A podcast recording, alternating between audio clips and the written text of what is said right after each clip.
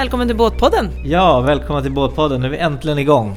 Vi ska i ett antal olika avsnitt framöver prata om båtliv och eh, anledningen till att vi har startat den här podden är att vi båda älskar båtliv och skärgården och vi känner att det saknas en podd. Yes! Men först ska vi kanske presentera oss själva. Katrin, vad är din relation till eh, båtliv? Jag är uppvuxen på båt. Jag har spenderat somrarna med båtliv. Eh, främst på östkusten men även västkusten och lite medelhavet. Eh, jag har vuxit upp i en seglarfamilj. Bröder som kappseglar, pappa som har kappseglat. Jag insåg idag att jag har haft eh, förintyg och skepparexamen i drygt 20 år. Ja, och sen så har jag spenderat många somrar ute i Sandhamn där jag har eh, gått på seglarläger själv och sen jobbat på seglarläger. Okej, okay. och sen har du också seglat Göta kanal? Japp, men det vill jag helst glömma. Hur många gånger? Fem gånger innan Fem jag var 15 år gammal. Okay. Det var ingen rolig upplevelse, inte någon av gångerna. Men sen har du jobbat också i Medelhavet och sådär med båtar? Nej, Men jag har jobbat varit... på en båt i USA. En mm. stor hemmasnickrad eh, yacht. Seglade med eh, New York Yacht Club. Jaha. Väldigt häftigt. Upp till Nova Scotia och Labrador och Newfoundland och såg valar och isberg. Och, och sen finns det någon historia också när du var ute och seglade första gången. Ja, eh, jag är född i oktober och innan båten åkte upp på land så var vi ute och seglade. Mm. Yes. Och du, Johan, vem är du? Ja, jag har inte vuxit upp på en båt som du har gjort utan jag har lärt mig det mer i vuxen ålder. Jag har varit alltid väldigt intresserad men mina föräldrar hade inte samma intresse. Så jag köpte en båt så fort jag kunde. Eh, så jag har haft båt kanske i 15 år. 8-10 olika båtar. Vad har du för favoritbåt idag? Ja, det är svårt det där. Det finns ju jättemånga fina båtar men de flesta båtar är ganska för en uppgift. Antingen är de jättefina en solig dag eller så är de jättefina en regnig dag.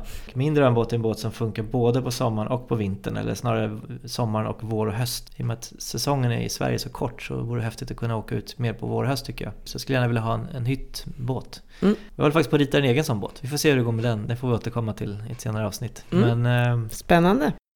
Men om vi lämnar det här med vår bakgrund, och vår, din bakgrund inom segelbåtar och min inom motorbåtar. Så anledningen till att vi har den här podden är att vi båda älskar båtliv och, och skärgårdslivet. Mm. Och det finns väldigt mycket intressant att prata om. Och eh, vi tror att det finns många lyssnare också som är intresserade av att lära sig mer inom alla ämnen som finns. Och vi har också mycket att bidra med att vi har så olika bakgrund. Mm. Och vad ska vi prata om? Dagens avsnitt så tänkte fokus på en nybörjare. Första frågan om man är nybörjare och vill ut på sjön. Hur, hur gör man? Vilka sätt finns det att ta sig ut? Antingen hänga med en kompis som redan har båtvana eh, och hyra eller om han hon har en egen båt. Men det kanske inte alla har, varken en kompis med båt eller båtvana. Då faller det väl på skola-kurs. Ja, exakt. Och det finns ganska mycket kurser om man googlar. Det beror på var man bor i, i Sverige. Det finns en hel del olika företag och organisationer som anordnar kurser. Mm. Testa sök båtskola för vuxna. Mm. Men om, om man då har kommit så långt så att man vill ta sig ut på sjön. Man har kanske till och med provat på, hyrt en båt eller åkt med någon kompis. Vad tycker du är nästa steg? Vad ska man göra då? Jag värnar om att folk på sjön borde ha förarintyg. Ja. Eh, jag tycker inte det finns några nackdelar med det. Det är allmänbildande och personligen så tycker jag om att kunna eh, det ämne som man ger sig in på. Ska jag ut i skidbacken så vill jag också veta vad som gäller med laviner och hur man åker etc. Jag tycker inte att det finns några argument för att inte ha förarintyg. Det eh, bådar för ett säkrare upplägg att vara ute på sjön helt enkelt. Mm. Och det är inte svårt, det är inte krångligt. Nej. Eh, så jag hoppas att det inte är det som gör att det avskräcker folk från att mm. skaffa det. Och de här kurserna som finns som man kan gå, de är, de är gjorda för nybörjare. Så det är, alla klarar ju av det på en sån kurs. Absolut. Och de finns runt om i Sverige. Återigen, sök på förarintyg. Jag tycker dock att det finns ett litet eh, missförstånd där bland folk jag pratar med som inte har gått den kursen eller tagit förarintyg. De tror att man lär sig köra en båt. Rent mm. praktiskt. Mm. Men så är det ju inte utan det är mer en teoretisk kurs. I ja. alla fall den första kursen, det förintyget. Det finns ju ändå en antal saker man lär sig. Det är ju framförallt att föra fritidsbåt inomskärs. Alltså antingen inskär eller i skärgårdar och nära land. Det är inte ge sig ut på havet utan det är liksom att åka i och båt miljö... under 12 gånger 4 meter. Exakt, mindre båtar men ändå relativt stora kan man åka. Mm. Eh, men man lär sig väjningsregler, mm. sjömannaskap. Sjömärken. Na exakt. Navigering, fart, distans, tidsberäkningar. Och det är inte avancerad navigering. Det är enkel, begriplig navigering. Och man lär sig vad man ska göra i nödsituation. Och dessutom så får man, när man ska hyra båt, så får man rabatt på försäkringen. Mm, eh, förarintyg. Och i vissa fall när man hyr så måste man nästan ha ett förarintyg. Och det är också en viktig sak. Om ni själva har en båt som ni vill hyra ut så är det viktigt att kolla med försäkringsbolaget att, man får det. Men det finns en, en antal saker man inte lär sig på just den här förintyg som är den första kursen. Som kommer på senare kurser. Dels är det här med liksom praktik och hur man kör en båt. Det får man ju ja. gå en separat kurs för. Mm. Sen är det då det här som du sa om, om större båtar. Om de är längre än 12 meter och bredare än 4. Mm. Då är det kustskepparintyg man ska ta. Mm. Och nattnavigering ja, ingår exakt. inte. Och om man även ska ut längre på havet utomskärs. Eh, hur man navigerar där. Mm. Strömmar, tidvatten. Och avdrift. Ja, är exakt. Bra att räkna man kan komma helt fel.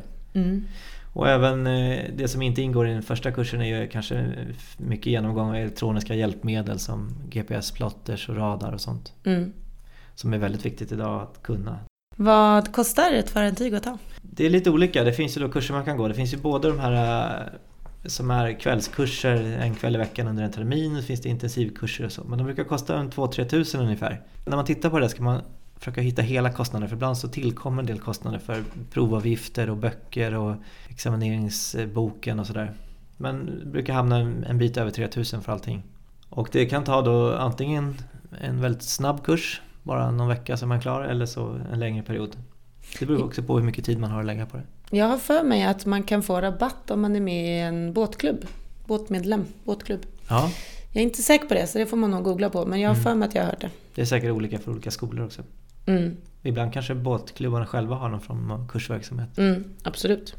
Men det är någonting vi verkligen rekommenderar och man har verkligen nytta av det också. Ja. Eh, om man ska köpa, hyra båt, eh, äga båt. Och framförallt då kunskapen är. Ja, jag kan ta som exempel. Jag har en vän som lånade en båt av eh, sin kompis. Eh, och sen tog han med sig sin bil-GPS. Och sen kom han ut i skärgården för att möta upp mig och mina föräldrar där vi låg i yttre skärgården. Eh, när han kom fram så visade han GPSen. Den visade öarna, en, enbart de större, som stora klumpar. Det fanns inga prickar, sjömärken, utmarkerade. Eh, han körde rätt över ett antal grynnor när han väl kom fram till oss. Eh, framförallt så blev han väldigt förvånad över att det ens fanns något som heter spridningsregler. Så eh, flera båtar hade tutat på honom och som han kallade det vinkat. Förmodligen hytte de snarare med näven åt honom. Eh, det är nämligen så att till exempel ska fritidsbåtar via för arbetande båtar och båttrafik. Mm. Taxibåtar och liknande. Eh, och sånt ska man faktiskt hålla koll på för eh, man kan orsaka rätt stora, stor oreda ute i skärgården och trafikolyckor även där. Ja, att köra runt med en bil-GPS som inte visar grund det är ju rent livsfarligt. Mm. Men dessutom att han kör in framför Silja Line eller Vaxholms båtar och tycker att de kan väja för honom. Det är också rent livsfarligt. För det kan mm. hända att de inte kan väja därför att de har en, ett grund framför sig. Mm. Men eh, förr i tiden så var det klassiska att man rev ut en sida i telefonkatalogen. ja, det skämtades om det i alla fall. Eh, och jag vet folk också som åker ut i skärgården utan att varken ha sjökort eller GPS med sig. Vi rekommenderar det inte. Nej. Det funkar kanske i andra länder där man har mindre grund men i Stockholms skärgård har vi otroligt mycket grund och även på västkusten. Ja, och utomlands är det också klart vatten. Mm. Men utomlands när man hyr båt så brukar de kräva förarintyg, skepparintyg och VHF-cert till och med. Mm, just det, det VHF-certifikat är en annan kurs som finns där man lär sig hur då den här radion funkar. VHF-radion som är ett separat system för att kommunicera mellan båtar. Mm. VHF är sitt eget nät mm. så att säga. Det är inget, ingen basstation utan man kommunicerar radio till radio. Mm. Så där beror det på vad man har för typ av antenn och så. Det finns både handhållna apparater och sådana som är fastmonterade i båten. Mm. Men det är ett visst sätt att man ringer ju inte upp en person med telefonnummer utan man ropar rakt ut på olika kanaler. Så det finns ett sätt att jobba där, hur man ska göra, hur man ska anropa beroende på hur, vilket läge man är. Om man till exempel anropar någon eller om man är nödställd. Finns det olika nivåer också. Och värt att säga att den har ju bättre täckning än en vanlig ja, mobiltelefon. Exakt, den är inte beroende av att det finns några mobilnaster inom... Man kan vara mitt ute i Stilla havet och anropa en annan båt som man ser inom synhåll eller en bit bort. Mm. Så VF-certifikat är ett krav i vissa fall och alltid bra kunskap också att ha med sig. Och den är väldigt enkel att ta, ska jag säga. Den är mm. inte krånglig. Nej. Man får lära sig um, det engelska alfabetet på VOF-språk om man säger så. Alfa, Bravo, Charlie etc. Mm, precis. Och hur man gör ett anrop på korrekt sätt. Vilka mm. kanaler man ska gå in på om man behöver hjälp etc. Mm. Man kan även få lyssna på um, väderleksrapporten där. Vilket är smidigt om man är utomlands kanske och inte har eh, täckning på mobilen och man har ingen aning om hur man lyssnar på vädret. Mm. Så eh, är det ett smidigt sätt. Ja, utomlands kan man behöva anropa hamn om man kommer till också. Mm. Försöka se om det finns en plats och om man kan få komma in där. Och det är som sagt en väldigt stor säkerhetsaspekt att ha med sig. Och det kan också vara bra om man har en VHF i sin båt att ha den på, på kanal 16. För att höra om det är någon annan som är nödställd i närheten. För mm. ibland så kanske man är nära någon som behöver hjälp. Men det är väldigt långt för sjöräddningen att ta sig dit. Mm. Så kan man hjälpa till eller anropa hjälp själv. Mm. Om man är nära. Så det är något vi verkligen rekommenderar. Alla kurser är bra att ha. För det är kunskap som man har väldigt stor nytta av på sjön. Ska vi prata lite om sjövett då? Hur man ska tänka när man väl är ute med sin båt. När man har gått eh, kurser när man har till exempel hyrt en båt eller lånat en båt. Ja. Och då har vi ju en lista här. Det är de tio officiella sjövettsreglerna. Nummer ett är se till att båten är sjöduglig och att god ordning råder ombord. Mm. Och vad betyder det då för en nybörjare? Ja, sjöduglig är ju att båten inte sjunker. Ja. Eh, det kan finnas en så kallad dyvik till exempel på båten som måste tryckas i, vilket är en propp som man drar ur för att tömma båten på vatten. Mm. Och så måste man eh, åka fort, då åker vattnet ur. Men när man har tömt båten så måste man sätta i den här dyviken igen, proppen. Mm. Samma sak när man lägger i båten i sjön så sätter man i den. Ja, det är en väldigt viktig sak på våren när man sjösätter båten. Jag kollat dyviken eller bottenpluggen som det kallas ibland också, jag sitter i. Mm. Så det är steg ett, båten flyter. Sen är det också viktigt att motorn fungerar om man har en motorbåt. Mm. Kanske även om man har en segelbåt är det en fördel att den fungerar. Ja, sjöduglig för segelbåt då är ju att det inte är ett stort hål i seglet till exempel. Mm. Att det finns tampar. Mm. Eh, det finns got i seglet man kan lägga till. Eh, de basic grejerna för att kunna framföra båten och lägga till skulle jag säga. Och det ska man ju kolla innan man lägger loss från kajen. Ja. Det är jobbigt om man kommer ut Även om man bara kommer ut 100 meter kan det vara jobbigt att upptäcka att viktiga saker inte fungerar. Och rodret på en segelbåt ska ju fungera också. Det är lite mm. svårare kanske att testa på land eller innan man lägger loss. Sen stå, står det också att god ordning råder ombord. Allt ombord ska vara stuvat som det kallas. Mm. Att man eh, ser till att disk är undanplockad till exempel, står i sina skåp. Det är inte en massa lösa prylar framme för när man sen är ute och åker i vågor eller seglar och slår byter sida på seglet helt enkelt. Då flyger grejer omkring nere i båten. Eh, och kanske även uppe eh, utomhus. Och det, sakerna kan gå sönder, båten kan gå sönder och man kan slå sig när de här sakerna kommer farande. Så god ordning, tamparna ska vara upproddade. Ja, det där gäller även motorbåtar. Ofta när man, en motorbåt går ju ganska fort och det har hänt mig många gånger att man åker iväg och så helt plötsligt så flyger folks halsdukar eller scarf iväg eller handväskor ligger löst. Man måste liksom kolla igenom det innan man åker iväg. Inga lösa onödiga prylar. Nej. Och eh, en annan sak som jag stör mig mycket på i båtar det är när folk öppnar luckor i, eh, i båten och inte stänger den här lilla ringen. Jag vet inte hur många gånger jag fastnat med tår i de här ringarna. De här öppningsringarna. Det som är viktigt med, med båtlivet, man måste vara ganska noggrann. Man måste liksom vara ordningsam på ett annat sätt än man kanske behöver vara på land. Ja. Det kan bli ganska jobbigt om saker inte funkar och är lösa eller försvinner. Absolut. Eh, att eh, tänka på är att lägga tillbaka saker på rätt ställe. Just mm. apropå du säger saker försvinner. Mm. För sen, eh, det blåser mycket, man ska lägga till och så behöver man den där båtsaken och så ligger den inte där till exempel. Mm. Eller den har flugit av i föregående våg eller något liknande. Mm. Det kan ställa till rätt mycket oreda. Så ja. Mm. Nummer två, punkt nummer två. Ha alltid nödvändig säkerhetsutrustning med ombord. Kom ihåg, flytväst åt alla ombord och de ska vara på. Exakt, man kan inte ha flytvästen beredd att sätta på sig när båten slår omkull. Nej. Så att säga, utan man måste ha den på hela tiden. Framförallt för mindre barn och mm. även hundar. Mm. Beroende på hund ska jag säga. Jo, men det är en fördel att det är mycket lättare att dra upp en hund i vattnet om den har flytväst. För då kan ta tag i öglan som finns på ryggen av alla hundars flytvästar. En blöt hund kan vara ganska tung att få upp i en båt. Det kan också vara bra i vissa fall att prova flytvästen i vatten. Ja, testa att hoppa i med flytvästen. Ja, och se vad som händer. I regel så åker den upp ganska mycket och det kan bli väldigt annan upplevelse än man har tänkt sig. Mm. Vad förespråkar du? Uppblåsbar eller normal flytväst? Jag gillar ju normala flytvästar. Mm. Det beror på att eh, de uppblåsbara blåser inte alltid upp sig. då har man ingen nytta av dem. Ja, det ska jag säga. Jag ska inte säga märket, men det finns ett eh, märke som tillverkas i Kina Mm. De har inte alltid blåst upp sig i alla lägen. Men det finns ett tyst märke och de har 10 av 10 slår de ut. Mm. Jag eh, brukar segla med uppblåsbar. Ja, en, en viktig sak på upplösbara är att de blåser upp ganska stort. De blir mycket större än man tror om man aldrig provat. Och eh, vissa har ju sätter sin jacka utanpå flytvästen. Och That's det är a li- no-no. livsfarligt. Man kan få allvarliga skador. Ja, och den, ja, den inte funkar inte. Nej. Ska vi prata om Ja. nödvändig säkerhetsutrustning? Vad innebär det? Ja, det är ju först och främst flytväst som vi nämnde. Ja, exakt. Nödraketer. Nödraketer. För när man är ute på havet och motorn havererar eller liknande. Mm. Så skjuter man upp en sån. Och den ska enbart användas till det tillfället. Nö- Nödraketer är ju bra komplement till VHF som vi pratade om förut. Mm. Eh, För en VHF, dels kanske den inte fungerar. Den kan Nej. ha gått sönder, elen kan vara slut. Mm. Men också kan det vara så att ingen lyssnar på VHF just där. Mm. Det kan vara någon slags radioskugga eller ingen i närheten. Mm. Sen möjligtvis, beroende på båt, så brandfilt. Ehm, Brandsläckare. brandsläckare. Motorn kan fatta eld, nu ska vi inte skrämma upp här, folk här, men det är viktigt att tänka på säkerheten. Mm. Motorn kan fatta eld, eh, det kan börja brinna i pentrit när någon lagar mat etc. Och börjar det brinna på en båt så är man ganska utsatt. En sak som jag tycker är viktig är att ha en mobiltelefon i en plastpåse. Eller Mm. motsvarande, eller någon vattentät ficka. Nu är i och för sig de nya telefonerna, många av dem är vattentäta. Men det är en klassiker att folk trillar ur sin båt, har med sig mobilen men den funkar inte för den är blöt.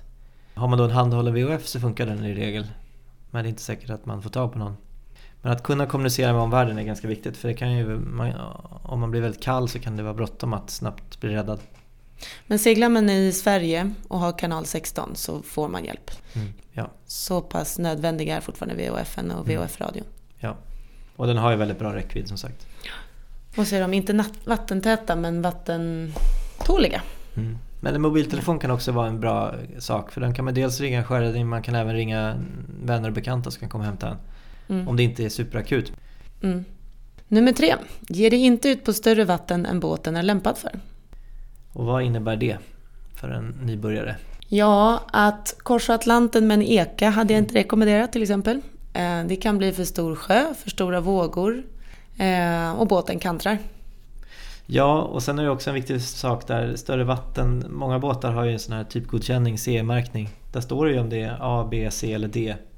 Och så står det också hur många personer som är tillåtet. Och då kan det vara så att en båt som är godkänd för C, alltså eh, skärgårdstrafik, eh, bara godkänd för D om man är, om man är för många passagerare. Så det kan vara viktigt att ha koll på det. Vad båten är gjord för, för typ av vatten. Ja. Och man kan säga att eh, D är ju den lägsta klassen, då är det insjöar och väldigt nära land och, och C är ju skärgård och, och B är ju ute på havet. Nästa punkt. Fyra. Tala alltid om ditt färdmål och studera noga färdvägen. Om du ändrar färdmål, meddela hem. Jag tycker den talar lite för sig själv. Mm. Eh, Det är väl lite samma sak som om man ska ut och vandra. Man berättar vart man ska, man meddelar vänner och familj. Så att de kan börja oroa sig om man inte har kommit fram i tid. Mm. Punkt nummer fem. Det är din plikt att känna till de regler som gäller på sjön. Alkohol och båtliv hör inte ihop. Mm. Där har vi sedan ett antal år också en lagstiftning mot sjöfylleri som har blivit tuffare. Jag är ju inte enig med den lagen. Jag tycker att den lagen träffar fel. Och problemet är att här silar man mygg och sväljer elefanter. De som redan var dyngraka ute längs kusterna och körde snabba båtar eller stora båtar, de plockades redan då av polis och kustbevakning. Så... Ja precis, det fanns en regler även innan den här nya reglerna kom. Att då var det grovt sjöfylleri, en promille. Sen införde man här 0,2 promille. Punkt nummer sex. Överlasta inte båten och sitt i båten. Mm. Sitta i båten är viktigt framförallt i mindre båtar, roddbåtar och sånt. Men det här överlasta inte båten gäller egentligen alla båtar. Att man eh, tänker igenom vad båten är godkänd för, vad den, vad den är konstruerad för. Mm. Punkt nummer sju. Håll alltid god utkik, var försiktig med farten. Jag tycker att den här punkten är kanske den viktigaste av alla nästan. Att ha god utkik är ju många som missar. Framförallt i snabba motorbåtar Mhm. och upptag med något annat. Nu blir jag lite rädd för att ge mig ut på sjön. Ja, Det var ju någon olycka i Bromma för några år sedan när någon vattenskoter körde på en kvinna som var ute och simmade till exempel. Och det händer hela tiden men det, det vanligaste är att man kör på någon form av grund. Eller något annat hinder som är i vattnet. Men man kan ju även köra på andra båtar, det finns ju många sådana exempel. Jag tror att många också, det kan ju vara för att man inte har tagit ett förintyg till exempel och inte kan väjningsreglerna. Men jag tror att många litar på att andra håller utkik. Mm. Det är farligt. Punkt nummer åtta. Lyssna på väderleksutsikterna. Är de dåliga, stanna hemma. Är du redan till sjöss, sök lä eller närmaste hamn. Idag är det kanske inte så många som lyssnar på väderleksrapporten men ehm, allt fler har en egen telefon där man kan kolla vädret och vindstyrka är viktigt att kolla när man är ute på sjön. Mm. Det tror jag inte man gör lika mycket när man sitter hemma i stugan eller lägenheten. Nej, och vädret kan ju ehm, slå om fort. Väldigt fort. Under en natt eller bara på några timmar kan vädret bli helt annorlunda. Dimma kan komma plötsligt. Eller vindriktningen kan ändras. Mm. Så att när man lägger till, hittar en hamn för kvällen så måste man kolla hur det ska blåsa under natten. För mm. annars så kanske ankaret tappar fäste till exempel. Jag tror att eh, folk som, som du som är segelbåtsmänniskor har ganska bra koll på vindriktningar när de är ute och seglar. Men det har inte motorbåtsmänniskor generellt sett. Men däremot just det du säger om ankring är jätteviktigt. För den, vinden vänder ju ofta under natten. Och tänk på att ligger man för, på svaj som det kallas, om man ligger med bara ankare, så ska ju ankarlinan ska vara rätt långt ut så att båten eh, kan klara vågor till exempel och inte tappa fästet. Eh, men därmed så blir det ju en ganska stor radie som den kan eh, svänga runt vart efter vinden vrider och därmed ja. åka in i andra båtar till exempel. Mm. Eller upp på land. Punkt nummer nio då, näst sista punkten. Om båten kantrar men flyter, stanna kvar vid den. Du är säkrare där än att simma mot land. Ja, eh, som du sa med att hålla utkik. Det är lättare att se en båt än att se ett litet huvud i vattnet. Ja. Särskilt om det går vågor. Och det kan också vara väldigt ansträngande att ligga och trampa vatten eller simma. Mm. Men ligga och hålla i en båt är oftast lättare. Mm. Sista punkten. Skräpa inte ner, varken på land eller i sjön. Ta med skräpet hem. Eller lämna det bland soporna. Ja, det där är också ett stort problem tycker jag. Man ser ofta skräp i naturhamnar. Och de flesta sköter sig nog jättebra men det finns några få som med avsikt eller av misstag inte kommer ihåg att ta med sig soporna. Ja, och bara en sån sak som när man sitter ombord och har en plastpåse. Tänk på att den blåser iväg och landar i sjön. Det var de tio sjövettsreglerna. Det var allt för det här avsnittet, vårt första avsnitt och nu kommer vi i kommande avsnitt gå mer på djupet i olika ämnen. Ja. Så inte riktigt så mycket till nybörjare men vissa saker kommer säkert vara intressant för nybörjare också förstås. Mm. Allt från tilläggningar till miljöaspekter.